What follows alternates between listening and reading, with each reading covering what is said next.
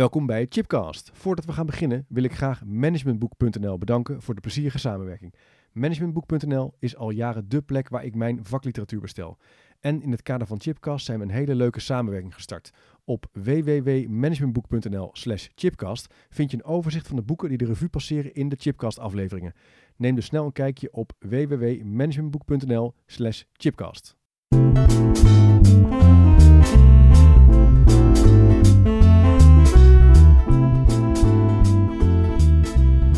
Welkom bij Chipcast, waar ik op zoek ga naar verrassende antwoorden en nieuwe perspectieven op vragen die mij bezighouden. En in deze Chipcast ga ik in gesprek met hoogleraar Anna Bosman over het thema dyslexie. En breder gezegd verkennen wij uh, het concept van dyslexie en vragen ons af, bestaat het of is het eerder een leesprobleem? Anna, hartelijk welkom in de uitzending. Dankjewel. Leuk dat je er bent. We gaan een, een, uh, ja, een thema verkennen wat uh, behoorlijk in de aandacht is de laatste jaren, maar zeker wel in de afgelopen jaren is mijn, mijn ervaring. Zeker. En jij uh, houdt je daar uh, bijzonder uh, mee bezig. voor degenen die jij nog niet kennen, ehm, jij bent hoogleraar dynamiek van leren en ontwikkeling aan de Radboud Universiteit in Nijmegen. Ja. En sinds 2011 ook directeur van het Onderwijsinstituut Pedagogische Wetenschap en Onderwijskunde aan dezelfde universiteit. En het centrale thema van jouw werk zou je het best kunnen, kunnen samenvatten als communicatie, ja. denk ik. en wat betreft kinderen gaat het hier bij jou al jarenlang over leren lezen, leren spellen, dyslexie maar ook natuurlijk effectieve instructiemethoden Zeker. Uh, voor leerkrachten. En breder richt jij je op de communicatie tussen mensen en hun omgeving. Zeker. Als ik het zo zou mogen samenvatten. Heel mooi samengevat. Uh, je hebt ontzettend veel uh, publicaties op je naam, doet veel onderzoek, begeleidt studenten. hoe ben je eigenlijk in aanraking gekomen met dat concept van dyslexie? Nou, dat is misschien wel een heel erg leuk verhaal. Um, ik ben in, ik heb mijn doctoraat gedaan tussen 1989 en 1994. En toen deed ik eigenlijk onderzoek naar hoe leren kinderen nou lezen. En de belangrijkste vraag was, als je leert lezen, dan uh, begin je met bijvoorbeeld het woordje vis, zeg je v is vis. Ja. Um, na verloop van tijd hoor je dat mensen niet meer doen. Jij en ik lezen niet meer v is of t, en, ten. Nee, wij zien dat een één, blijkt ogenschijnlijk een één oogopslag. Um, maar de vraag was, hoe snel gaat het nou? Dat je dat van zo spellend leest tot een, e, zeg maar in één keer. Waarbij je de klank dan niet meer telkens hoeft uh, op te roepen. Nou, grappig genoeg, uh, dat vond ik helemaal niet. Iedereen leest nog met die klank. Alleen gaat het zo snel dat je dat niet in de gaten hebt. Oh ja, en, dus, wij, dus als ik lees, dan zal ik toch bij een groter woord als het ware via lettertjes of via klanken er één woord van maken. Zo zou ik niet willen zeggen, maar de klank wordt altijd geactiveerd. Je, Ah. dat, kan, dat kan niet zonder. Ehm, en dat is misschien ook wel begrijpelijk, want lezen is iets heel kunstmatigs. We, we hebben taal, als de menselijke eigenschap taal, en dat hebben we, een of andere slimmerik heeft dat ooit weten om te zetten in grafische symbooltjes. Ja. En uh, dat moeten we weer hercoderen naar uh, iets wat, gesproken, uh, wat uitgesproken moet worden. Nou, dat, dus dat die klank er altijd is, dat is eigenlijk heel logisch. Maar het gaat zo snel dat je niet in de gaten hebt. Dus alles wordt altijd verklankt. Uh, dus de vraag van wanneer gaan ze van spellend lezen naar niet meer spellend lezen, dat, die, bleek, ja, die bleek niet te bestaan. Dat, wat, wanneer dat gebeurt, het was niet vast te stellen, omdat het nou helemaal niet gebeurt. Ja. En uh, ik was met dat onderzoek bezig en ik was bij een vriend van mij op zoek en die zei, oh mijn zus, die is het onderwijs en die hoorde dat jij onderzoek doet naar lezen. Uh, ze zou, kun je een keer, um, heb je zin om een keer met haar te praten erover? Ik zeg, ja. Dus ik ga, naar, uh, uh, ik ga op bezoek bij hem, zit daar te eten en dan zegt ze, ja, uh, ik, ik ben zo geïnteresseerd in, dat in jouw onderzoek, want ik zou wel eens willen weten hoe een dyslectisch kind eigenlijk leest. Ik zei, hoe bedoel je? Nou, zegt ze, ik heb nog nooit een kind gehad die niet kon, kon, niet kon lezen. Ik zeg, huh? ja, zegt ze, dus ik zou wel eens een keer een dyslectisch kind willen zien. Ik zeg, zit jij pas in het onderwijs? Nee, nee, al twintig uh, jaar. En uh, ik zeg dan pas in groep drie. Nee, ook al twintig jaar. En toen zei haar broer, ja, ze gaat er geen één de, de, klas uit bij haar zonder dat ze lezen. Ik denk, zo. Dat is bijzonder. Heel bijzonder. Dus ik heb dat toen, ja, ik Ja. dacht van, uh, wauw, prachtig. Maar ik heb er van niet zo over nagedacht, omdat mijn onderzoek niet specifiek over dyslexie ging. Nee. En uh, uiteindelijk ben ik gepromoveerd op dat onderwerp. Het, was een, het is een veel technischer onderwerp uh, geweest dan uh, onderzoek naar hoe je, hoe, hoe je dat nou het beste aanleert. Maar ik dacht wel aan het eind van mijn promotietraject, eigenlijk wil ik nu wat ik kan inzetten voor de praktijk. Ja. En zo ben ik in eh, Nijmegen terechtgekomen en in de ja, begin jaren 2000 eh, eh, kwam ik in aanraking met José Schraven. José Schraven is een eh methodiekontwikkelaar, orthopedagoog en eh, die had eh, een map, hele simpele map voor 30 euro met twee videobanden aan mij opgestuurd met de vraag, zou je eens willen kijken of dit nou in jouw ogen een verantwoorde manier is om kinderen te leren lezen. En eh, ze had het al naar heel veel mensen gestuurd, dus ik kreeg van iedereen een beetje een flauwe reactie. De flauw in de zin van, nou ja, geen tijd, geen weet ik veel wat. En ik eh, dacht, nou, ik wil eens even kijken. Ik heb die banden ademloos bekeken. Ik heb die map in één avond doorgewerkt. En ik dacht, dit is het. Dit is de manier waarop je kinderen moet leren lezen. Want wat deed zij dan? Wat, wat, wat Nou, zag je op die be- beelden? Nou, je ziet gewoon hoe ongelooflijk gestructureerd en met hoeveel oefening die kinderen eh, het lezen aangeleerd krijgen. Ja. Je, je, je werkt elke dag minimaal een half uur, minstens een half uur, gezamenlijk met de kinderen. Dus je zegt van vandaag gaan we de, bijvoorbeeld de letter S leren. Eh, en ze laat dan zien hoe je dat inpast in wat ze al kennen. Eh, de letter S wordt aangeboden in termen van een klankgebaar. Eh, nou weet ik het klankgebaar van de S niet, maar van, wel van de O. Je leert de O aan Ja. met, de, met, de- met één hand. En de O is dit. Hè. Daar heb je ook gelijk twee handen voor nodig. Dus ook twee. Dus je bent Eh, ook alleen met je lichaam bezig, bezig, als ja. kind en als, Ja. als leerkracht. Ja. Ja. En je leert het, de schrijfbeweging aan. Dus al die zeg maar, zintuigen die je kunt inzetten, worden ingezet. En telkens wordt elk lettertje gekoppeld aan de letters die je al kent in de vorm van een woordje. Ja. En eh, ik heb daarna, toen ik dat zag, hoe, dat, hoe geweldig dat in elkaar heel gestructureerd. Eh, je begint met hele regelmatige woordjes, dat doet overigens iedereen hoor, daar zijn we wel achter. Eh, en steeds, telkens wanneer er een soort uitzoldering op is, wordt uitgelegd wat, waarom, dat een, waarom dat heel speciaal is. Bijvoorbeeld bij het woordje eh, deur of door. Nee, nee, peer is beter, peer. Alle kinderen schrijven peer met, eh, als je dat niet uitlegt, met een e. Of Ja. zelfs met twee is. Ja. Want als je goed luistert, en dat kunnen kinderen, dan horen ze p, e, r. In plaats van, eh, wij denken dat we een e horen, maar dat horen we helemaal. Dat is eigenlijk helemaal niet waar. Dus we zeggen, dat is een fopwoordje. Het zijn eigenlijk slimme kinderen. Ze denken, Dat is ja, ja, ja, ja. Dus dat gaat fout. Eh, en daar moet je heel erg op bedacht zijn. Ja. En, dat, en je moet ook niet, je moet ook niet eh, het laat, fout laten gaan. Je moet gaan zeggen, we gaan nu een heel interessant woordje. Dat hoort heel anders dan je het schrijft. En dan ga je dat uitleggen en, we- en- en dan zeg je e, hè, wat is het, de e. En dan ziet iedereen de p, de e en de r, want die twee letters horen natuurlijk bij elkaar als één klank.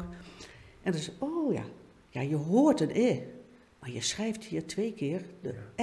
En je zegt ook iets belangrijks, je moet het niet fout laten gaan. Nee, je Dus moet vooral niet op fout. tijd zijn. Ja. Dus je moet weten, oké, er komt nu een wat ingewikkelder, we gaan een stapje omhoog. Ja.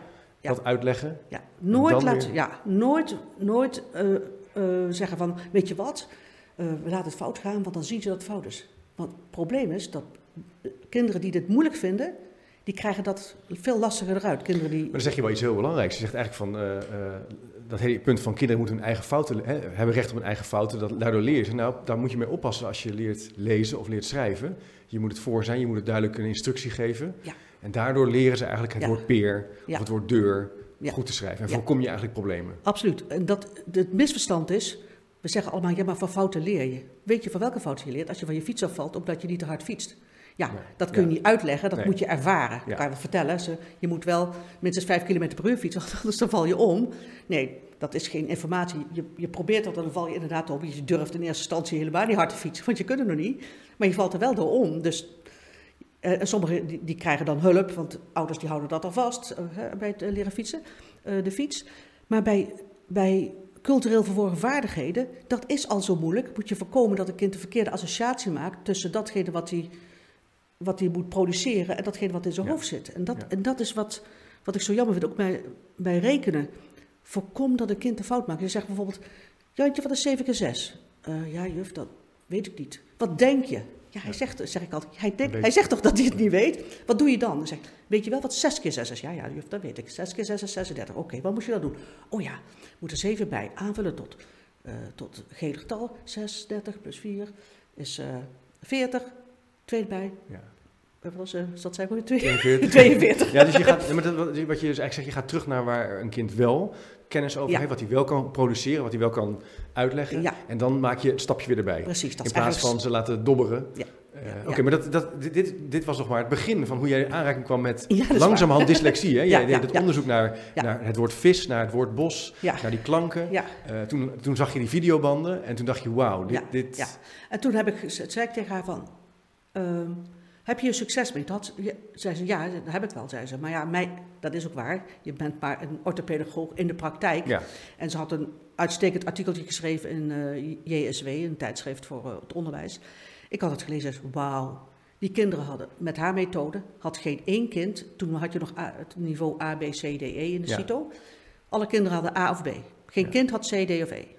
En er zaten kinderen bij wa- wiens taal niet eens Nederlands was. Hè, die hadden dus een andere taal dan. Nederlands, als eh, moedertaal. Dus ik zei, nou weet je, ik wil jou wel helpen, we gaan gewoon een onderzoek doen. Heb jij een school waar, eh, waar ze deze me- methode gebruiken, methodiek gebruiken? Jazeker, zei ze. En, eh, dus ik ben naar die school gegaan. En Die anekdote daarna zal ik nog even toelichten. Ehm, en ik maak kennis met de leerkracht daar. En die leerkracht die zei van, wat, ja, zeg, mag ik bij jou onderzoek komen doen? Hè? Zeker, zei hij. Ehm, ik zeg, hij zegt, ik ben wel blij dat je, niet, dat je nou komt en niet drie jaar geleden, want ik heb het echt wel moeten leren hoe je dit moet doen en zo.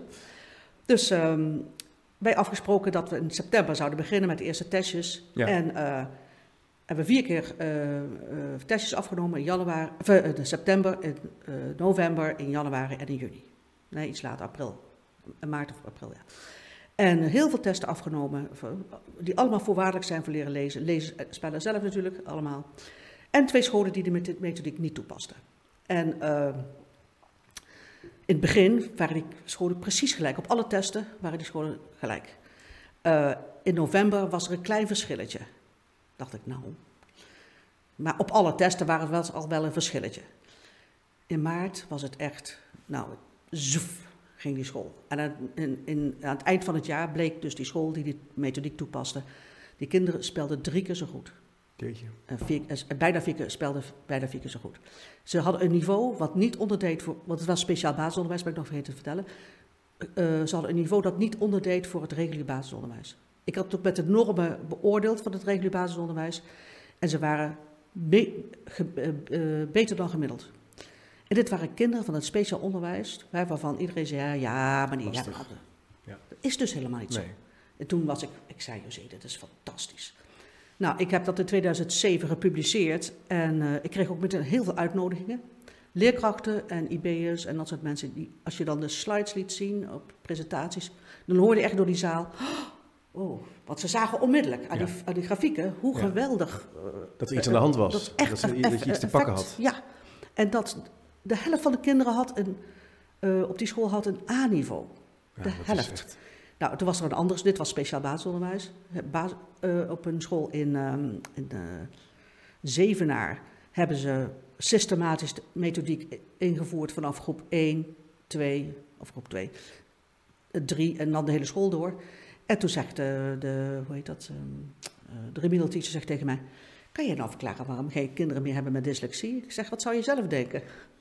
Blijkbaar is onderwijs ineens is gewoon voorwaardelijk voor leren lezen. Je, Ja. Dat gebeurt niet zomaar. Leren, en dat is ook zo'n mythe, dat ja, eh, maar, maar sommige kinderen, die, eh, ondanks het, al die andere kinderen kunnen het wel, waarom deze niet? Ja, maar dan, Ja, jij zegt eigenlijk hiermee al, dat heeft te maken met het onderwijssysteem en niet met het kind. Het is niet zozeer een, zou je zeggen, het is niet zozeer een stoornis. Nee. Dat is natuurlijk wel een spannend punt als, we dat, als je dat zo zou zeggen. ja, ja. Ja, want er zijn ook natuurlijk heel veel eh, mensen die zeggen, nee, die kinderen die hebben iets. Ik noem maar even, ja, ik ben Ja, geen ja. psycholoog of, Ja. of cognitief therapeut, maar die zeggen, ja, er is dysle- dyslexie hebben ze. Ze hebben dyslexie. Ja, dat wordt. Maar dyslexie, ze heeft. Ja. Ehm, als we nou kijken wat de Stichting Dyslexie Nederland over zegt. Dat is een gerenommeerd instituut waar de, waar, waar de overheid ook ja, naar luistert. Dan heb je eigenlijk een hele vreemde definitie. De definitie, ik kan hem even voorlezen, die luidt. Is een specifieke leerstoornis die zich kenmerkt door een hardnekkig probleem in het aanleren van accuraat en vlot lezen en of spellen op woordniveau. En het is niet het gevolg van de omgevingsfactoren of een lichamelijke, neurologische of algemene verstandelijke beperking. In feite staat hier alleen maar wat het is. Het is, Ja. het, het is in feite een beschrijving van, een lees, van het van problemen hebben met lezen of leren lezen. En niet met wat is, wat is dan de oorzaak. Want ik zeg altijd van als het een uh, stoornis is, dan moet je ergens een, iets weten te, aan te wijzen dat, uh, die, dat die, dat probleem veroorzaakt. Ja. En in dit geval is er niets wat we kunnen aanwijzen, onafhankelijk van het kind leest slecht. Ja, dat is de definitie, zeg ik. Dus dat, kunnen we niet iets aanwijzen. Kijk, die heeft dat probleem, dat specifieke probleem, waardoor die Nee. zo slecht leest. En die ander, ja, die leest niet zo goed, maar die heeft dat probleem niet. Dat kunnen wij helemaal niet aanwijzen. Er is niets, geen hersenscan, geen genetisch profiel, niet een of andere andere test die dat kan aantonen. Het enige wat we kunnen zien is dat een kind relatief ten opzichte van zijn eh, eh, leeftijdsgenoten Ja, slecht leest. slecht leest. Dus Relatief is- slecht leest. Ja, en dus krijgt hij leest slecht en dus leest hij slecht. Ja, dat is eigenlijk, dat de, klopt. Dat is Ja. eigenlijk de redenering.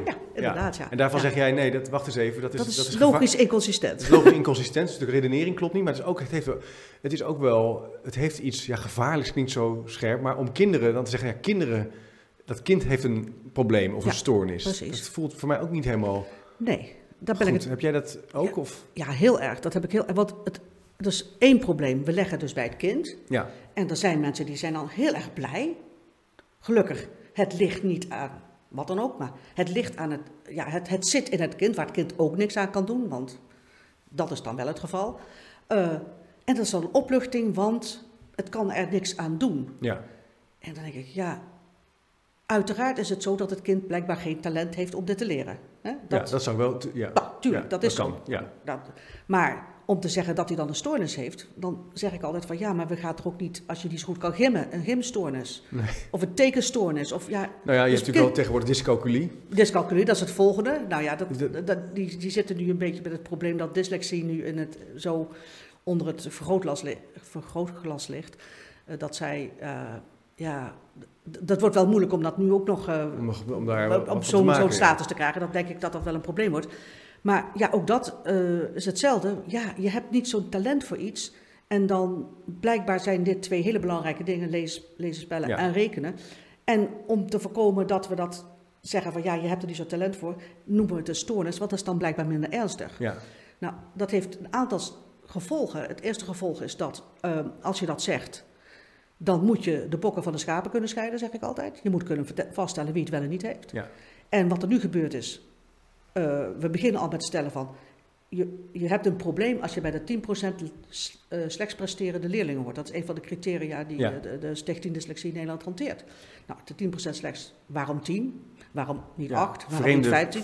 wat is tien? Ja. Ja, wat, Het ja, heeft een beetje die normaalverdeling-achtige... ja, dat Dat, klopt. dat voel je al wel aan van, oh ja, ze hebben gekeken naar een normaalverdeling. Ja, ja, en dan zeggen ze van nou, het cut-off point is bij de 10% laagste. En dan moeten misschien nog wel andere dingen uitgesloten worden. Dus, eh, maar in ieder geval, bij 10% laag scoren, dan moet je gaan, moeten de alarmbellen afgaan. En wat ik nou zo interessant vind is, ooit heeft Blomert, eh, die dit eigenlijk allemaal gestart is, waardoor de dyslexie, eh, waardoor dyslexie in de, in de vergoede zorg is gekomen, waardoor het eigenlijk in het medisch circuit is getrokken, Ja, heeft een rapport geschreven waarin hij stelt dat om een of andere, ik weet niet precies waarop gebaseerd, 3,6% van de Nederlanders heeft dyslexie. We hebben geen enkele reden om aan te nemen waarom dat 3% is. We hebben 3,6. We weten werkelijk gewoon niet, nergens op gebaseerd. bedacht. Gewoon bedacht. Dus eh, ja, Of een bedacht. educated guess. Het kan Ja, zijn van ja. dat hij daar wel... eh, Ja, maar ja, dan zeg ik van waar, op grond van welke test zou dat, een- zou dat een gok zijn?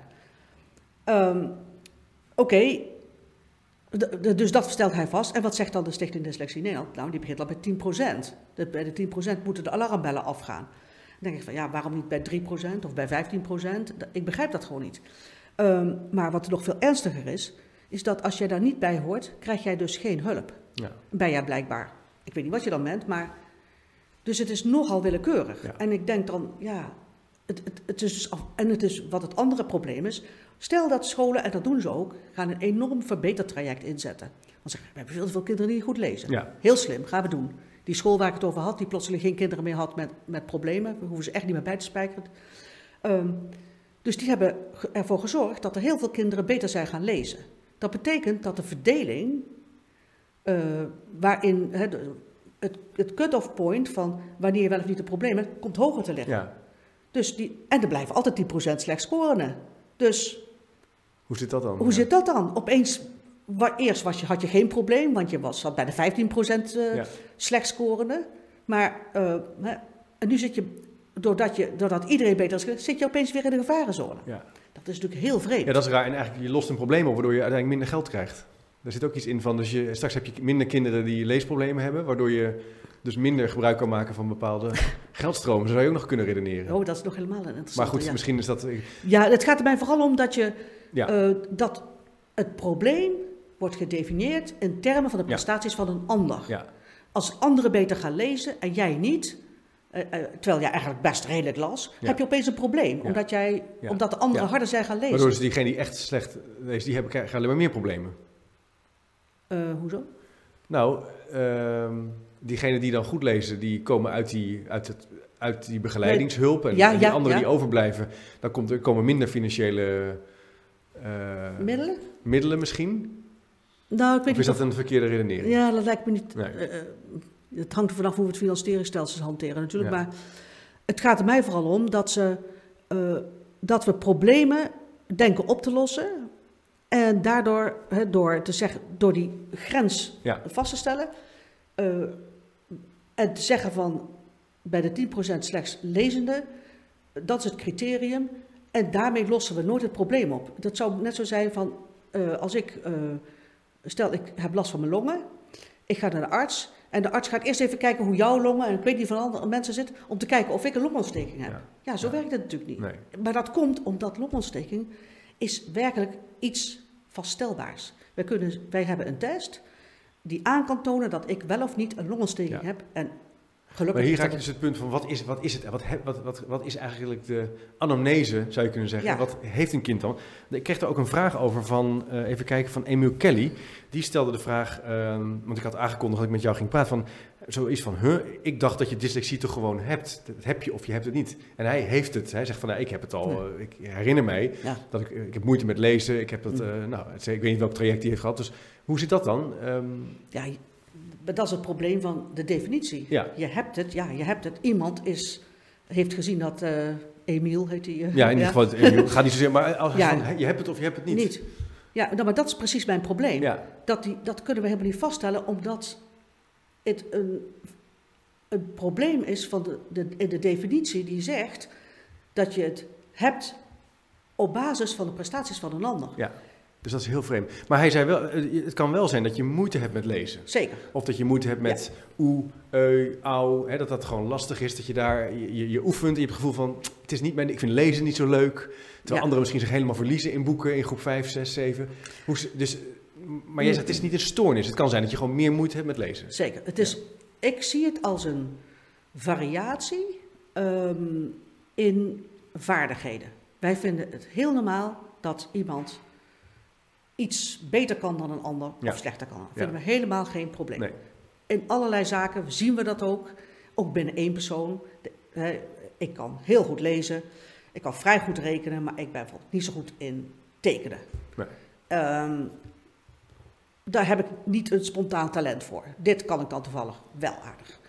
Eh, dus bij mij en bij iedereen is een heel variabel profiel aan vaardigheden. Ja. Sommige zet je heel erg onder het gemiddelde, sommige zet je heel boven het gemiddelde, andere zet je precies in het gemiddelde. Nou, dat is met lezen, spellen en rekenen niet anders. Die vaardigheden die verschillen binnen mensen. En wat is nou volgens mij de grootste mythe die ontstaan is naar aanleiding van eh, leesproblemen, is het volgende. Ergens, eh, dat is al heel erg lang geleden, 1897, is er een Britse arts en die constateert dat er een jongetje is die goed kan schrijven, eh, goed kan rekenen, eh, of netjes kon schrijven, goed kan. Hij kende eigenlijk ook de letters wel, maar hij kon niet of nauwelijks lezen. En dat vond die man zo wonderbaarlijk eh, dat hij zei van ja, deze jongen is woordblind. Oh ja, woordblind. Dat was het oude, de oude term. Dus ze dachten ook nog een beetje dat het iets met de hersenen te maken had. En toen dacht ik van, goh, toen ik dat las, zo is het dus begonnen. Nou, inderdaad, dat woord blindheid eh, heeft een tijdje postgevat, totdat mensen zagen, ja, het heeft niks met het visuele te maken, of het gezichtsvermogen. Eh, want ze kunnen echt wel al die letters van elkaar onderscheiden, dus je hebt het probleem niet. Maar het zit hem veel meer in de verwerking van de klank. En dan zeg ik, ja, dat is ook in principe het probleem niet. Alle mensen verstaan het verschil tussen pad en pak en pas. En dat is maar één foneem, één, één klank aan het eind die verschilt. Dat kunnen wij prima horen. Nou, wat is nu het probleem bij lezen? Dat je de letters aan de klanken moet koppelen. En als het, als het eh, een hele regelmatige taal is, bijvoorbeeld het Fins, is het één op één relatie tussen de letter en de klank. Vrijwel. Zie je ook bijna geen leesproblemen. Komt, komt eigenlijk nauwelijks voor. Dan hebben we het Nederlands. Eh, als je het woord ehm, pak leest, dat is regelmatig. Dus zou je kunnen zeggen dat is heel Ja. consistent. Pak. Maar eh, doen we nou bijvoorbeeld eh, deken, dan hebben we een groot probleem. Want er staat een, een één letter e, als je het zou verklanken, de, e, ke, e, n. Als een kind dat zou doen, zou hij dekken lezen. Ja. Dus wat moet hij doen? Hij moet die letter in de context waarin die staat Ja. aanpassen. Ja.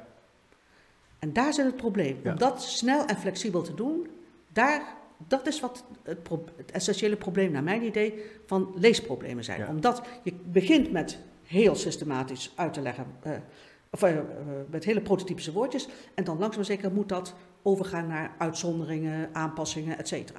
En de meeste mensen hebben geen last van die, zeg maar, dat het, oh, moet het nou zo? Ja, prima, weet je wel, hebben ze geen last van. Maar er is zeker is, er, is een groep heeft daar last Ja, die heeft er van. last van, die vindt dat moeilijker. Die krijgen misschien niet de juiste instructie, niet de juiste Juist. begeleiding. En die raken in de war van lopen, Ja, worden, ja, eh, ja, kopen. En, en dan gaan dus met twee O's. Ja, ja, Nou, en dat wordt erger. En dan, zijn er meer, en dan raken meer uitzonderingen. Komen ze tegen in plaats van dat ze uitgelegd worden. Waardoor langzamerhand ze een beetje verdwalen en Ja. moeite gaan krijgen met lezen. Daarom moet het ook zo systematisch aangebracht worden. Ja. En telkens op gewezen worden. Dus het begint al heel vroeg eigenlijk in groep, eigenlijk in groep 1, 2. Ja, dat nou- je al op school komt.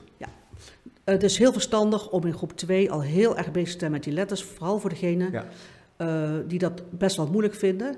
Eh, er zijn allerlei andere verhalen over, ja, je moet niet beginnen voordat ze leesrijp zijn. Dan zeg ik altijd, nou, dat kan je helemaal niet vaststellen. Pas op het moment dat je ze gaat aanbieden, letters en klanken gaat aanbieden, eh, in combinatie uiteraard, dan eh, ontdek je van wie dat wel en niet moeilijk vindt. Kijk, als een kind, waar je echt gealarmeerd moet zijn als een kind niet kan rijmen. Dat komt bijna niet voor. Dat is echt heel uitzonderlijk. Want Rijm- rijmen, rijmen bijvoorbeeld eh, is... eh, eh, pak, zak, ja, Dat dat, soort dingen. dat, ze- dat ze... Dat ze ehm, die klanken niet kunnen... dat ze een heel woord waar de klank op elkaar lijkt. eh, alle kinderen zeggen soep, poep, want dat is Ja, leuk. Ja. Ze hebben onmiddellijk door dat dat, dat, dat bij elkaar hoort en eh, dat, dat, dat je daarop kan variëren. Maar wat heel moeilijk is, is soep hakken in zijn stukjes. Ja. Soep. Daar, daar ontstaat het probleem. Als ze dat heel moeilijk vinden, dan betekent het dat je goed moet gaan opletten. Dan zeg je, oké, wacht even. Dat, sommige kinderen kunnen dat heel snel en heel makkelijk. En andere kinderen, die denken, Ja, soep. hierbij zeg je, zeg je al van je niet wachten tot, eh, tot ze eh, Nee. ja, rijp is een beetje raar, maar goed, dat dat ze nee. aanbieden. Ja. Goed kijken bij die letters, bij rijmen, welke kinderen daar lekker vlot mee gaan. Er zullen altijd kinderen zijn die daar wat meer moeite mee hebben en daar extra aandacht aan besteden. vooral met dat opdelen in eh, het woord opdelen in het, in de kleinste Ja. eenheden, klankeenheden die wij onderscheiden. Wat mij opvalt, ik heb het zelf meegemaakt. we hebben hier in Zij zitten onze kinderen op een Montessori school, hartstikke leuke school. En op een gegeven moment eh, in groep drie, volgens mij Abel, eh, dan werd er al een dyslexietest afgenomen. Ja. Alle kinderen krijgen dan een soort. eh, en ik merkte dat. Ik had zoiets van: nou, dat. doe, maar, doe maar niet. Mhm. Ik vind het wel prima. Ik heb liever dat, dat er gewoon go- goed wordt kennis gemaakt met woorden en, en letters met Ja. name. En dan zien we het wel. Maar er is ook in veel scholen is er ook wel protocol en procedure ingericht. om die dyslexie-kinderen eigenlijk Ja. snel op te vangen. Ze noemen het ook dus echt snel al dyslexie, niet zozeer leesproblemen. ja, ja, dat is dan. Niet alleen op deze school hoor, dit is even voor Nee, ik Ja, op meer ja. school waar ik kom als, eh, als onderzoeker en Zeker. adviseur, zie je ook dat dat, dat eh, ja, beleid is. Mm. Maar jij zegt eigenlijk ja, Nou, hoe kijk jij nou daarnaar? ja, eh, kan je je nog herinneren welk stadium in de groep 3 dat gebeurde? Voor mij op de, op de januari. Oké. Nou, dan zeg ik, is al veel te laat. Als, je dan, als je dan nog niet in de gaten hebt wie er niet kan lezen, ben je eigenlijk al te laat. Ja. In de eerste week, als je officieel begint met eh, lezen, weet jij als leerkracht, doordat jij elke dag minstens, wat ik net zei, Ja, een half half uur uur. met de kinderen, met de kinderen bezig bent, weet je van iedereen, oh, die weet de k nog niet en die weet de punt nog niet. Dan ga je onmiddellijk, diezelfde dag nog, zorgen dat hij dat wel weet. Want het is voorwaardelijk. Elke letter die jij moet eh, in ons alfabet moet jij kennen. En elke lettercluster, hè, want er zijn meer letters. De, de dubbele E en de dubbele A, de E, de I, moeten ze ook allemaal kennen. Als jij dat niet van het begin af aan scherp hebt, wie dat wel en niet weet, dan gaan ze, allemaal, dan gaan ze achterlopen. Want op een goed moment, als jij niet de K weet en er komen nieuwe woordjes aan, Ja, eh, dan ga je nat, ja. dan, kun je het woordje gewoon nee. niet lezen. Dan nee. je, wel, wat was het ook alweer, weet je? Dat, nou, leerkrachten moeten dat in de eerste, moeten gewoon onmiddellijk elke dag weten welk kind wat niet weet. En dan zorg jij voor eventueel verlengde instructie, of je zorgt ervoor dat je de hele dag door, eh, Pietje, kom eens, wat was het ook alweer? Ja. Gewoon even Ja. incidenteel, Ja. en dan zul je zien. En dat is precies wat er gebeurde in die, met- die lessen van die docent die dat zo goed kon. En de anekdote is deze. Weet je wie dat was? Marcel Smaier. Oh, de echt? onderwijsgek. Die hebben Ja. we hier in de uitzending gehad eh, over rekenen. Ja, precies. Die Ja. Heb ik, ik heb het gezien. En eh. Marcel, is dus eh, was die leerkracht die dat voor elkaar heeft gekregen. Ah, die was van, is van het speciaal ba- basisonderwijs inderdaad. ja, begonnen en dan later heeft hij, heeft hij regulier onderwijs gedaan. En nou ja, hij is zo'n briljante docent. Hij kan dat als geen ander. Dat is echt fantastisch. Daarom vind ik het best jammer dat hij voor het onderwijs verloren is gegaan. Maar Ja. hopelijk Hij gaat hij door, nu... hij is door met, zijn, met die instructiekant. Hè? Ja, En ja, hij laat gewoon zien. Instructie, instructie, instructie. En inoefening is het Ja. allerbelangrijkste. Ja. Want dit is niet iets wat je in je eentje kunt. En weet je wat, ik zo belangrijk vind? Als we dat zouden kunnen, hoeveel hadden we geen scholen opgericht?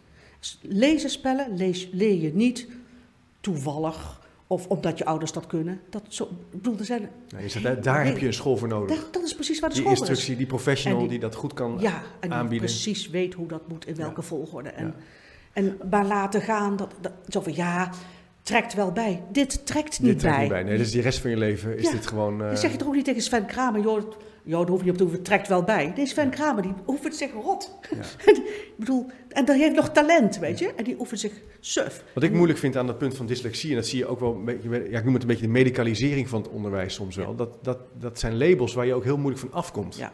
Dus het lijkt mij, ik zou het heel naar vinden als ik op een gegeven moment dyslexie opgeleverd. Ik heb bijvoorbeeld op een gegeven moment, wisk- wiskunde was ik niet zo goed in op de Mhm. middelbare school.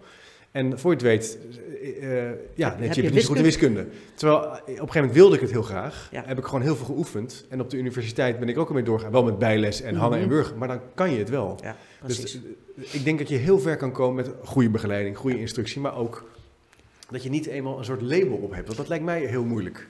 nou, de, heel veel mensen vinden het heel fijn. Dus, Ja, eh, dat is natuurlijk tegenwoordig zeker. Ja, ja, dus een paar, eh, deel van de identiteit. Ja. En eh, ik vind dat heel jammer dat mensen dat als deel van de identiteit zien. Ja. Ik wil ze ook helemaal niks afnemen. Maar ik denk dat het helemaal niet handig is. Nee. Want wat, je, wat er gebeurt is dat mensen zeggen: je kunt het niet zo goed, krijgen allemaal compensatie. Meer tijd voor de examens. Ja, nou ik zeg altijd van: als het blijkbaar niet voor, voor een aantal mensen eh, te kort tijd is, geef iedereen dan. Ja. Ik, ik geef mijn tentamens altijd: jongens, jullie krijgen van mij vier uur, kan mij het schelen. Ja. Het is een tentamen voor 2,5. Ja, ook- Maar, maar ja, Ja. ik vind dat helemaal Ja. eenvoudig. Maar dan krijg je wel wat. wil zitten, ja. Maar het probleem is dat, eh dat dyslexiestudenten zeggen dat die anderen dan een voordeel hebben. Ja. Ja, ik zeg, ja, hoezo hebben die een voordeel? Maar dat is dus interessant wat het effect is van Ja, dat soort labels. Ja, ja. Los dat we niet willen ontkennen dat er leesproblemen zijn. Hè? Nee. Dat, dat is, eh, dan, ik heb nu een smartwatch, sorry, Ja. en die gaat dan af en toe zeggen dat ik moet bewegen. Maar ik weet niet hoe ik het moet uitzetten. Dat moet ook niet voor mij. Maar dus dat, inderdaad, dus je, zet, je maakt groepjes die natuurlijk naar elkaar gaan kijken. Nou kijk, wat, wat er ook misgaat is eh, de gedachte dat mensen het niet kunnen lezen. Nou, Ja. dat kan, het is, het is eigenlijk helemaal niet zo. Bijna, ik zal bijna zeggen, vrijwel iedereen kan leren lezen. Alleen het verschil is, de een leest op een snelheid van bijvoorbeeld 60 woorden per minuut. En de ander Ja. leest misschien wel op een snelheid van 180 woorden per minuut. Ja. En blijkbaar, als je zo traag leest, heb je een leesprobleem. Maar ik, wat ik ook zie is, en we gaan, we, en dat is zit ingebakken in de test die wij gebruiken om te vast te stellen hoe goed iemand leest. Dat is namelijk de 1 minuut test of de 3 minuten, eh, drie Ja. minuten toets tegenwoordig. En dan zijn er kinderen die lezen dus maar relatief weinig woordjes vergeleken met een ander kind. Maar denk je, wat is het probleem? Als ze toch gewoon goed lezen, Ja. dan moet een soort minimumniveau zijn. Dat is net als met die fiets. Als je niet een minimumsnelheid hebt, dan val je, val je van je fiets af. Ja. Bij lezen, als je niet een minimumsnelheid hebt, dan weet je aan het eind van de zin niet meer wat je aan het begin Precies, gelezen dat hebt. dus het begrijpend lezen wordt daarmee ook moeilijk. dan wordt het begrijpelijk lezen Ja, moeilijk. Dus dat is eigenlijk het enige criterium. Ik heb een heel mooi voorbeeld. Uh, José Schaven zegt altijd eh, dat zij, eh, zij leest snel net als ik. Haar echtgenoot, of haar partner, die leest nou, de helft zo snel als zij. Maar, zegt ze, als wij het dan over het artikel hebben in de krant, weet hij wat erin staat en ik niet meer. dus ja, het heeft ook nog eens een keer een super nadeel als je Ja. heel snel leest. Ja, En zeker. wat zitten wij te doen? Wij zitten dat alleen maar op te dra- Ja, het moet snel. Het moet snel, snel, snel. Ik. Waarvoor? Het is nergens voor nodig. Je moet het eigenlijk loslaten. Je moet dat helemaal loslaten. En daarmee voorkom je ook problemen. Oh, ik- en het feit dat iemand dan plotseling dyslexie heeft. Want ja, Ja. Op basis van Ja. snelheid. Nou, we beginnen dus dat punt van dyslexie, leesstoornis. Wat is het nou eigenlijk al wat verder te verkennen? Ik wil nog een vraag daarover eh, stellen. Ja? Eh, een vraag die ik heb gekregen van een van de, van de luisteraars. Eh Roland Jansen stelt de vraag: Het lijkt erop dat de laatste jaren het aantal gevallen is toegenomen van dyslexie. Dat is, dat is zijn indruk. Klopt dat? Of wordt het soms ook misbruikt? En dat is ook wel te koppelen aan het Follow the Money eh, eh, interview, een onderzoek wat is gedaan over de business van dyslexie, waar jij ook voor bent geïnterviewd. Ja. Eh, waar je daar ook wel iets over zegt. Hè? Wat is jouw, hoe kijk jij daarnaar? Nou, het is gewoon vastgesteld. Het aantal Ja. dyslexieverklaringen is binnen tien jaar minimaal verdubbeld. Ja. Uh, aan het eind van de basisschool heeft nu 7,6 van de kind, 7,6% van de kinderen een verklaring. Maar het idioot is, um, op de middelbare school uh, verdubbelt dat. Is er opeens bijna 15% van de kinderen. Dat, 15%? 15% van de kinderen heeft dyslexieverklaring. En dat heeft. En het aardige is ook, dan kijken ze in groep 3, dat is allemaal. Uh, ik ben even kwijt of dat nou in het inspectierapport stond of in, uh, bij het CBS. Nee, dat was het inspectierapport, ja. Um, in, groep, in de derde klas van de middelbare school is dat percentage lager dan uh, aan het eind bij het eindexamen. Plotseling in het eindexamen gaan ze allemaal dyslexieverklaringen regelen, want dan krijgen ze meer tijd. tijd ja. Ja, dan denk je van, waar, waar, waar gaat dit over? Ja. En dat is ook, toch ook niet eerlijk ten aanzien van degene die, uh, die die verklaring dan niet op hebben opgehaald. en wat ook heel erg stuitend is, is dat uh, 90% van die kinderen komt uit uh, gezinnen met een middel tot hogere opleiding. Ouders weten gewoon de weg. Ja. Dus Nou, dat, dat, is, dat vind ik het punt dat ook wel gaat. als een ander onderwerp over hoogbegaafdheid. Daar zie je dat natuurlijk ook wel in terugkomen. Ja, Ja. Dat, maar dat is zoiets. Dat, dat is nou precies mijn punt over die uh, variëteit in vaardigheden. Waarom zou je, als jij slim bent, ook snel of, of uh, zonder problemen moeten kunnen leren lezen? Waar, waar blijkt dat uit? Ja. Nou, ik denk. Hè, dat was, en daar kwam het, uh, misschien wel even terugpakken van die Ja. man die toen vaststelde van dit kind is eigenlijk gewoon heel normaal begaafd, maar uh, leest heel slecht. Ja. Dat vonden ze blijkbaar een, dat was een discrepantie. Zo, en zo is het ook in, het, uh, in literatuur terechtgekomen. Dat, dat je alleen maar een leesprobleem kon hebben, zo is het begonnen, als jij een normale intelligentie had, maar naar Vernant slecht las. Met de gedachte van, blijkbaar, als jij slim bent, of een, Mm. dat, op basis van een IQ-test, zou jij niet um, uh, zwak moeten lezen. Of dus zou je niet, geen moeite moeten hoeven doen met, voor lezen. En iedereen is daarin meegegaan. Totdat iedereen zei, ja, maar je hebt ook kinderen die zijn... Die, uh, waarom zouden kinderen die niet zo slim zijn... Uh, um, geen probleem in het lezen kunnen hebben? Nou, die zouden ook dyslectisch kunnen zijn. Dat is inderdaad waar.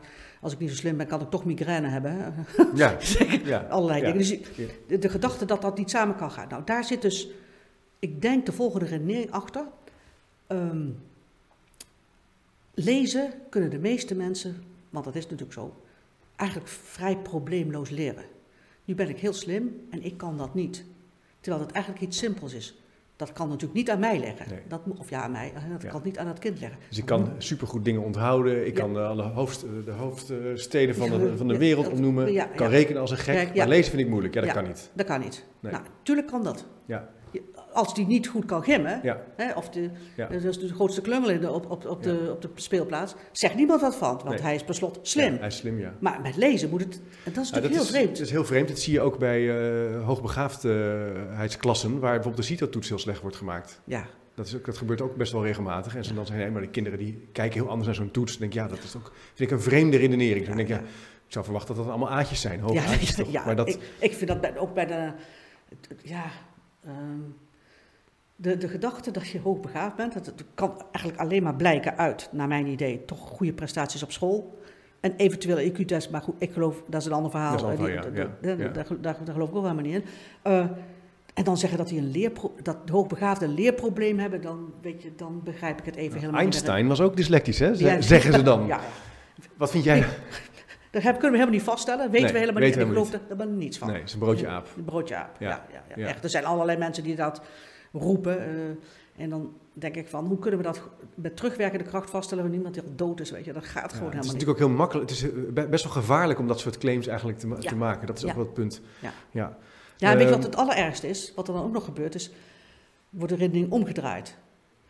Ja, Dat je, ja om precies. slim te zijn, bij wijze van spreken Ben je dyslectisch. dyslectisch? ja. Ja. ja, kom op Nee. jongens, dat, Nee. eh, dat kan echt Nee. niet.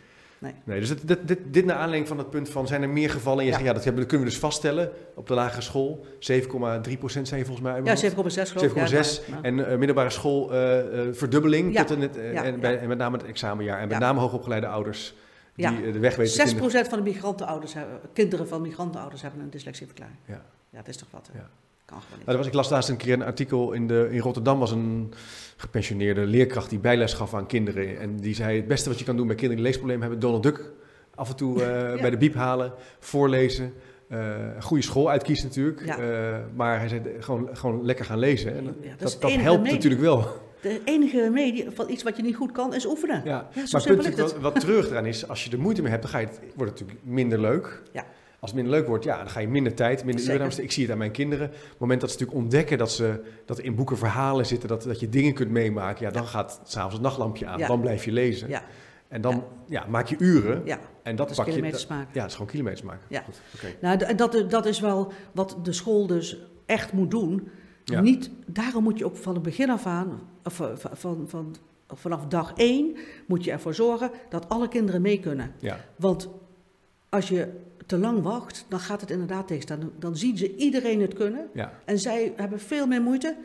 En dan denk je, "Pff, Ja. moet ik alweer oefenen? Ja. Nee, als je voorkomt dat het probleem ontstaat, zullen het altijd trage lezers, lezers blijven. Dat zal. Ja. Maar dat geeft niks. Maar ze kunnen in ieder geval lezen en, ze, en waarschijnlijk gaan ze het toch steeds leuker vinden. Ja. Maar de gedachte dat, je, dat het nou eenmaal zo is dat je het niet zo goed kunt, sorry, het is gewoon iets wat je, als je het oefent, wordt het echt beter. Ja. En dat is met alles. Mooi gezegd. En dat is, als leerkracht, wees er, je moet tijdig erbij zijn, ervoor zitten en niet erna zitten. Dus Ja. dat vraagt echt ook wel wat ook over hoe je je les voorbereidt, hoe je je dag op inricht, de structuur. Ja, En dat je ook eh, methoden gebruikt waarvan je ook weet dat ze, dat nou ze zinvol dat zijn. ze zinvol zijn. Ja, ja. En wat je natuurlijk in het onderwijs toch wel veel ziet, is dat heel veel scholen ja, denken dat ze met een methode werken waar ze heel erg in geloven, maar die niet altijd onderbouwd is. Nee. Eh, of zelfs ja, De kwalijk is. de meeste methoden zijn wel oké, maar die hebben een aantal aspecten waarvan ik zeg, joh, doe dat nou helemaal, doe dat nou niet. Eigenlijk heb je, als je leert lezen, één ding, of ja, een paar dingen nodig. Voor leren lezen heb je boekjes nodig Ja, en een bord waar je Ja. op kunt schrijven en kunt oefenen. Ja, alle andere flauwekul kun je de klas uitdoen. Kost, ook, hè, kost je daardoor ook veel minder geld. Veilig leren lezen, ik weet niet hoe duur dat is, maar waanzinnig duur met allerlei fratsen eraan eromheen.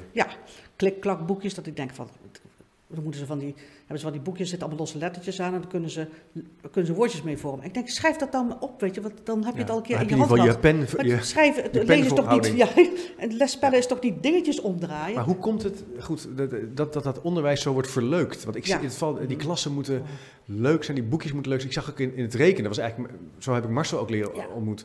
Ik zie het ook in de, in de methode die bij ons op school, maar op andere scholen. Het zijn allemaal van die enorme, dikke, kleurrijke boeken. Terwijl, ja, rekenen zou toch, maar ook schrijven, dat is een kwestie van doen. Dat mag Ja. ook best wel. De leerkracht moet het leuk maken. en ja, aantrekken. Die precies. moet, tuurlijk, juist. die moet, enthousiast, eh, enthousiast zijn, die moet Ja, er een beetje zin in hebben. Absoluut. Natuurlijk, ik snap best dat een boekje niet eh, zwart-wit gedrukt moet worden, maar het is allemaal wel heel erg. Ja, waarom niet? Jij zegt van, toch, het is, dat verleuken is ook wel. Nee, maar het erge is, dat het is zo'n misvatting dat kinderen daardoor leuker zouden vinden Ja, om dit te leren. Dat is helemaal niet zo. Zij zien, als jij moet, dat zeg ik ook altijd met de computer. Als jij denkt dat een kind extra gemotiveerd is om sommetjes te maken op de computer, omdat hij de computer leuk vindt, dat kind is niet achterlijk. Die ziet na drie keer ook wel, ja, ik moet hoe dan ook dat sommetje oplossen. Of dat nou met de computer moet of niet. Als ik dat moeilijk vind, maakt die computer het echt niet leuker. Nee. En in die boeken, wat helemaal ernstig is, wij hebben al zo'n, doen al zo'n beroep op dat geheugen van die kinderen, op dat werkgeheugen van die kinderen. En wat zitten Ja. we dan te doen? Plaatjes Ja. en weet ik het allemaal Ja, flauw. eh, Allemaal echt afleidende informatie, die niets mee te maken heeft, staat in zo'n boek. Weg met die, weg met die plaatjes. Het moet simpeler. Maar het punt is, uitgevers willen het Ja, die het sexy maken, Ja, nee, weet dat dat moet allemaal interessant zijn. Maar dan denk je van, het, het eh, dient geen enkel educatief het dient geen doel. Nul. Ik herinner me nog dat toen ik... Eh, Mijn vader is eh, wiskundedocent en Aha. natuurkundedocent eh lange tijd geweest. En eh, wij gingen op een gegeven moment boek, rekenboeken bekijken. Uit interesse rekentijgers. En, Ja. en die, die, hij kwam er niet uit. Nee, Hij kwam er dus echt niet uit. Hè? Dus, en, ja. en ik ook al niet. Nee. Toen dacht ik, ja, hoe moet dat nou met, met kinderen? En dat was het punt waarin wij eh, dat kritisch hebben benaderd in een, in een stukje voor de NRC ook. ja. En dat zie je, dus, dat zie je heel sterk terugkomen. Ja. Het verleuken en het, het, het verrijken van. Ja. Maar het is voor kinderen heel complex. Ja, klopt. En, dat, en, we, we, en dat, ze raken daar ook voortdurend door afgeleid. En we, we weten, met name kinderen, die, die leren niet zo makkelijk vinden. Als we iets moeten voorkomen, is dat ze worden afgeleid van wat dan ook. Er is een interessant onderzoek gedaan. Hebben ze gekeken wat er gebeurde als er in de klas kinderen aan het werk waren. Dat is een Amerikaans onderzoek, als ik me goed herinner. Eh, en eh, ze waren bijvoorbeeld vijf minuten bezig. En dan was er afspraak, dan zou er iemand binnenkomen lopen. Die ging wat aan de andere leerkracht vragen. Nou, alle kinderen doen zo. Dat Ja. gebeurt gewoon. Ja. Hoef je niet, Nee, dat hè, weet je, dat is, ja. de, oh, ik het nu het achter in de klas misschien niet, maar iedereen doet dat. En dan uiteraard, oh, niks voor ons. Hè. Sommigen blijven kijken wat gebeurt daar, want die vinden dat heel erg interessant. En anderen gaan weer aan het werk. De kinderen die het moeilijkste leren, hebben de meeste tijd nodig om weer terug aan hun taakje te gaan. Ja. Sommigen 10 minuten. Nou, als jij een zelfwerkmoment hebt van 20 minuten, is 10 minuten dus Het is gewoon weg. weg. Weg. En we hebben geen idee hoe vaak dit gebeurt. Ja. Klassen, dat de mensen het maar normaal vinden, in en uit. Eh, kinderen in en uit. Altijd is dat storen. Dat is zo ontzettend slecht voor de aandacht. En met name voor de kinderen die niet goed kunnen. Maar dit is natuurlijk wel spannend als je het hebt over leerpleinen, zel- eh, Ja. eh, klasjes waarin, ze, waarin eigenlijk die, die structuur en die regelmaat eigenlijk langzaam anders begint te worden. Hè? Ja. Waarin we zeggen, ja, moeten ze voorbereiden op wat er later komen gaat. En ze zelf ontdekkend eh, materialen tot zich kunnen nemen en kunnen werken. Als je het hebt over concentratie dus, kan het dus zijn dat voor die zwakkere kinderen, die dus een, misschien een le- leesprobleem hebben of meer moeite hebben met lezen, ja. ja, die, gaan, die gaan daarop Ja, onderuit. Ja, dat klopt. En, dat, en we ontdekken dat ook veel, eh, veel minder snel, omdat we niet voortdurend met die kinderen in interactie zijn. Jij moet de hele dag met zo'n groep, zeker in groep 3 en 4, moet je de hele dag met die kinderen in interactie zijn. Ja, er moeten ook eh, zelfwerkmomenten zijn, maar veel meer dan er nu is. Want vaak is het nu maar drie minuten instructie en zelf aan het werk en dan gaat die leerkracht rondlopen.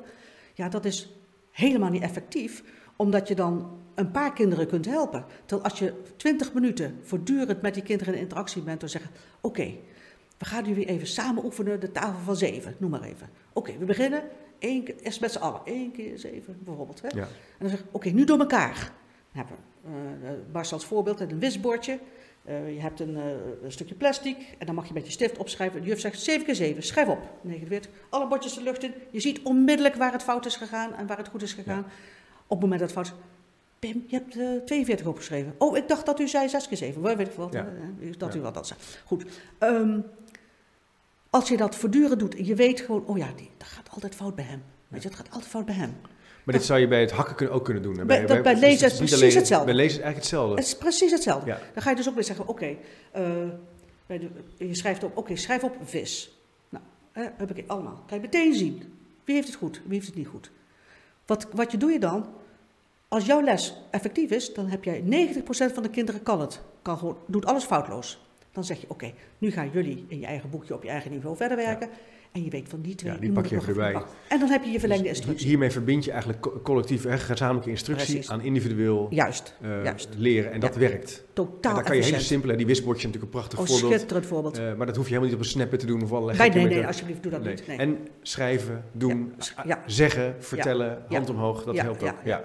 Ja. En die leerpleinen zijn, om nog even terug te komen, dat is natuurlijk dodelijk voor, inderdaad, voor deze kinderen. En voor, echt voor de, de efficiency is bijzonder laag. Dat, dat, dat, het feit dat je voortdurend, dat er mensen om je heen lopen, dat je afgeleid Ja. wordt. 80 kinderen in één ruimte, waar gaat het over? Nee, Weet je? ja. Maar ik denk ook wel dat, dat, dit, dat dit een consequentie is van de onderwijsproblemen. Er komt misschien wel ander. Hè, er zijn te weinig leerkrachten. Eh, er is toch, eh, het is toch een, het is armoedig gefinancierd. Hè. Als je echt eh, in Ja. op veel scholen komt, dan denk je, ja, er is wel meer geld nodig. We hebben nu, gelukkig krijgen we meer geld, maar er is echt nog wel meer nodig. Mhm, mhm, mhm. Ehm, ja, oude gebouwen. ja, ja. Goed, er is wel. Maar in, in Afrika zitten ze gewoon in het zand te Ja. leren stoken, weet je. Ja, oké, jij zegt van er is nog wel wat. Ja, Ah, ja. Je moet ook niet al te moeilijk doen, hè. Nee, dus, eh, Want jij bent ook eh, op de, op de Radboud Universiteit, heb je ook die, eh, een PABO, die wetenschappelijk mhm. met dit soort instructie bezig. Zeg je ook van ja, dat, dat zijn niet, niet al om dit op het voetlicht te zetten, maar zeg je ook van we moeten ook meer gaan kijken naar, naar dit soort wetenschappelijk onderbouwde vormen van lesgeven. Ja. Dat is echt wel de beweging die we moeten gaan maken. Ja, dat is, dat is waarom, waarom ik ook, hem ook haar, de PABO gestart ben, zal ik maar zeggen, op academisch niveau. Ja. Omdat ik zie dat eh, de PABO's geen standpunt innemen in wat goed onderwijs is. Nee. Die zeggen Nee. gewoon tegen hun studenten, je moet dat doen wat daar op die scholen gebeurt. En ik vind dat, nee, je hebt een visie als onderwijsinstituut op jouw vak. En het vak is hier leerkracht. En leerkracht geven instructie. Anders ben je geen leerkracht, maar ben je coach. En dat is een heel ander vak. Bij leerkracht, jij weet het, Jij weet hoe je het aan kunt leren, Ja. want dat heb je van, weer van anderen geleerd, hoe, efficiënt, hoe, hoe, hoe je dat efficiënt kan doen, zodanig dat bijna iedereen mee kan. En welke stappen je moet volgen, dat is jouw vak en daar moet je trots op zijn als leerkracht. Jij bent niet iemand die een kind een beetje stuurt of wat dan ook. Dat, dat, dat, dat is Nee, je moet instructie geven en, je moet, en belangrijk punt, je zegt, je moet een standpunt innemen een standpunt. over wat werkt en wat niet werkt. ja. Dat is je vak, je ja, ambacht. en dat leren wij dus onze studenten. Ja. En eh, wij zeggen van, Hoe komt het dat Pabo's dat dan niet doen? Nou, die hebben een afspraak gemaakt, heb ik, ben ik eh, achtergekomen. Met, eh, dat heet dan, met opleidingsscholen co-creëren. Ik krijg altijd bu- bultjes van dat soort woorden. co-creëren. Eh, eh, die scholen die eh, zeggen ja, want ze hebben natuurlijk ook ervaring. Uiteraard hebben die ervaring. Ja. Maar er komt zoveel waanzin op het onderwijs af. Ja, flashy marketingverhalen van wat, wat je allemaal moet doen. Nu moeten we allemaal weer springend gaan, gaan Ja. rekenen en Ja. weet ik veel wat allemaal meer. Eerst was het leerstijlen en, en multiple intelligenties en dat soort gein meer. Die scholen krijgen dat allemaal op zich heen. En sommige scholen die gaan daar helemaal voor. Terwijl ik denk, als PABO moet jij weten, als opleidingsinstituut, wat wel en niet een effectieve methode is. Ja. En dat leren ze niet, omdat in hun relatie met die zeggen ze van ja, de scholen weten dat, dat aspect heel goed. Dus ze laten dat aan die scholen over. En eh, dus moeten de studenten eh, doen wat daar op de school gebeurt, die, eh, waar zij dan stage lopen. En dan zeg ik altijd, ja, het lijkt wel niet alsof ze bij medicijnen zouden zeggen, ja, je moet doen wat je op, op je stageadres is. Stelt iemand zegt, ja, maar ik wil bij een kruidenvrouwtje eh, stage lopen. Nou, bij medicijnen gaan ze heel goed kijken. Bij welk ziekenhuis? Het? Ja. En wat, wat, wat, wat beweren ze daar? En wij doen dat niet. Wij kijken niet wat voor, wat voor een onderwijs dat er gegeven wordt. Nee. En nu merken wij het, want Ja. wij willen onze studenten op een school waar ze expliciete directe instructie kunnen geven. Ja, maar je zou kunnen zeggen dat hele co-creatieproces, dat zie je, ik zie dat heel veel ook in, in Pabo's, waar ik ook, eh, is een belangrijk thema, maar dat komt eigenlijk uit de innovatie en de bedrijfskundewereld, waarin je met je klanten, met je stakeholders samen gaat Ja, nadenken ja. over een vraagstuk. Eh, en dan is, dan is de redenering, naarmate je dat meer doet, krijg je meer perspectieven bij elkaar en kan je een goede analyse maken en kan je iets ontwikkelen. Hierbij zou je zeggen, nou, hier weet, we weten wat er werkt. Ja, dat is even de redenering die jij nu zo... eh, en daar moeten we positie op innemen. Eh, en, Ja. en helemaal als professional moet je in die school zeggen: nee, eh, we gaan met die wisselbordjes werken, we gaan met de directe instructie werken, Ja. want we weten gewoon dat dat Dat werkt. ja. Ja, ja. Nou, maar het, punt is weer, dat is er dus een concept wat uit het, bedrijfs, eh, het is- bedrijfsleven komt, wordt dan op een school geplakt. Maar school is geen bedrijfsleven, Nee. weet je, dat is een categoriefout, Nee. zeg ik altijd. Dat, dat, heeft daar helemaal niks mee te maken. Ja, je zou nog ook kunnen zeggen: innovatie is ook een punt wat heel veel in het onderwijs wordt genoemd. Mhm. Zeggen zeggen ja. Ehm, ook dat is weer een thema. Natuurlijk moeten dingen vernieuwd worden. Hè. Je bent altijd wel. Dat, dat gaat eigenlijk. Meestal gaat dat met golven. Mhm. Ehm, maar de vraag is of het noodzakelijk is Ja, maar voor kijk, je nee, onderwijstijd. Dat is, dat is helemaal nergens voor nodig. Want kijk, als wij evolutionair nou een enorme sprong gemaakt zouden hebben, dat onze hersenen plotseling heel anders Ja. werken, ja, dan moet je misschien iets aan het onderwijs doen. Maar sorry, die evolutie gaat heel traag. Ja.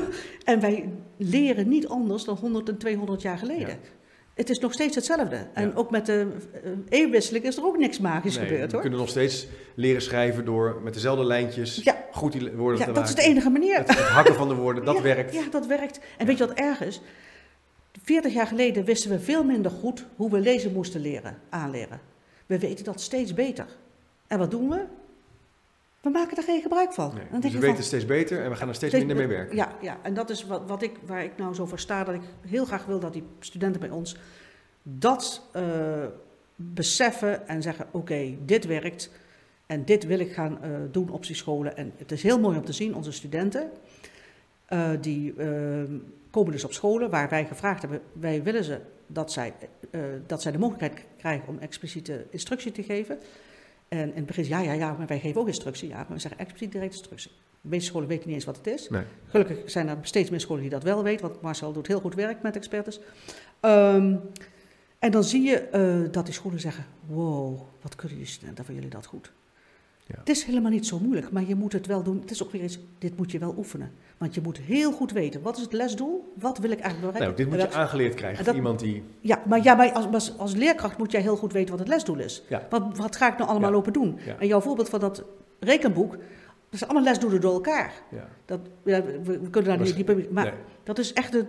Dus je moet heel goed beseffen van... Wat is het belangrijkste wat ik deze les wil bereiken... dat alle kinderen geleerd hebben. Ja. En wat, er nog bij, wat je nog extra is, mooi meegenomen. Maar dit is, dat, dat is het punt. Ja, duidelijk.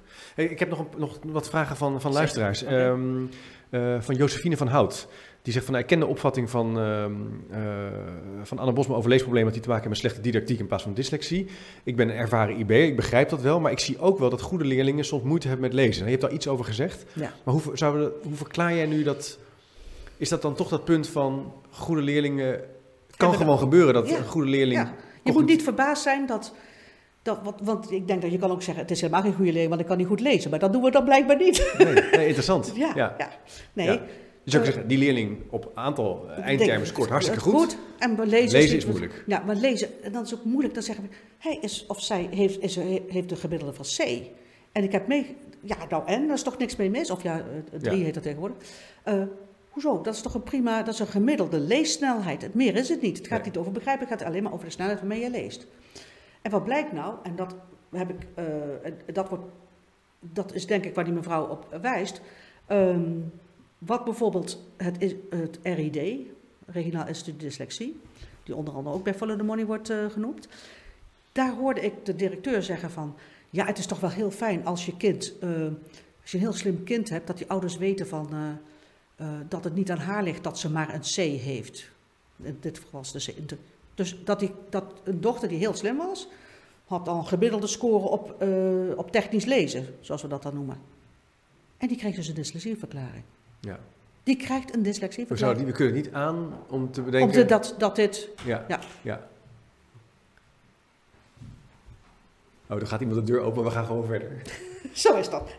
Ja, dus je, zou niet, je kan dus niet aan dat, Nee. eh, dat, er, dat het dan niet goed zou zijn. Ja, dan denk ik van, ja maar jongens, dat is toch prima? Ja. En dat, en, maar blijkbaar is, het nu met, is er nu een soort, ja, veronderstelling die waard rond in Nederland, dat dat niet mag. Dat je niet mag variëren in, als je al intelligent bent, variëren in, in, eh, in vaardigheden. Ja, Dat is gewoon Dat is een gek. feit. ja. En het is, C is een uitstekend niveau. Dat Ja, is gewoon gemiddeld. je, ja. En ik, daarom, we zouden er meteen vanaf zijn als we zeggen... Kijk, als je zo, zoveel woordjes per minuut leest, is dat prima voor jouw leeftijd. Ja.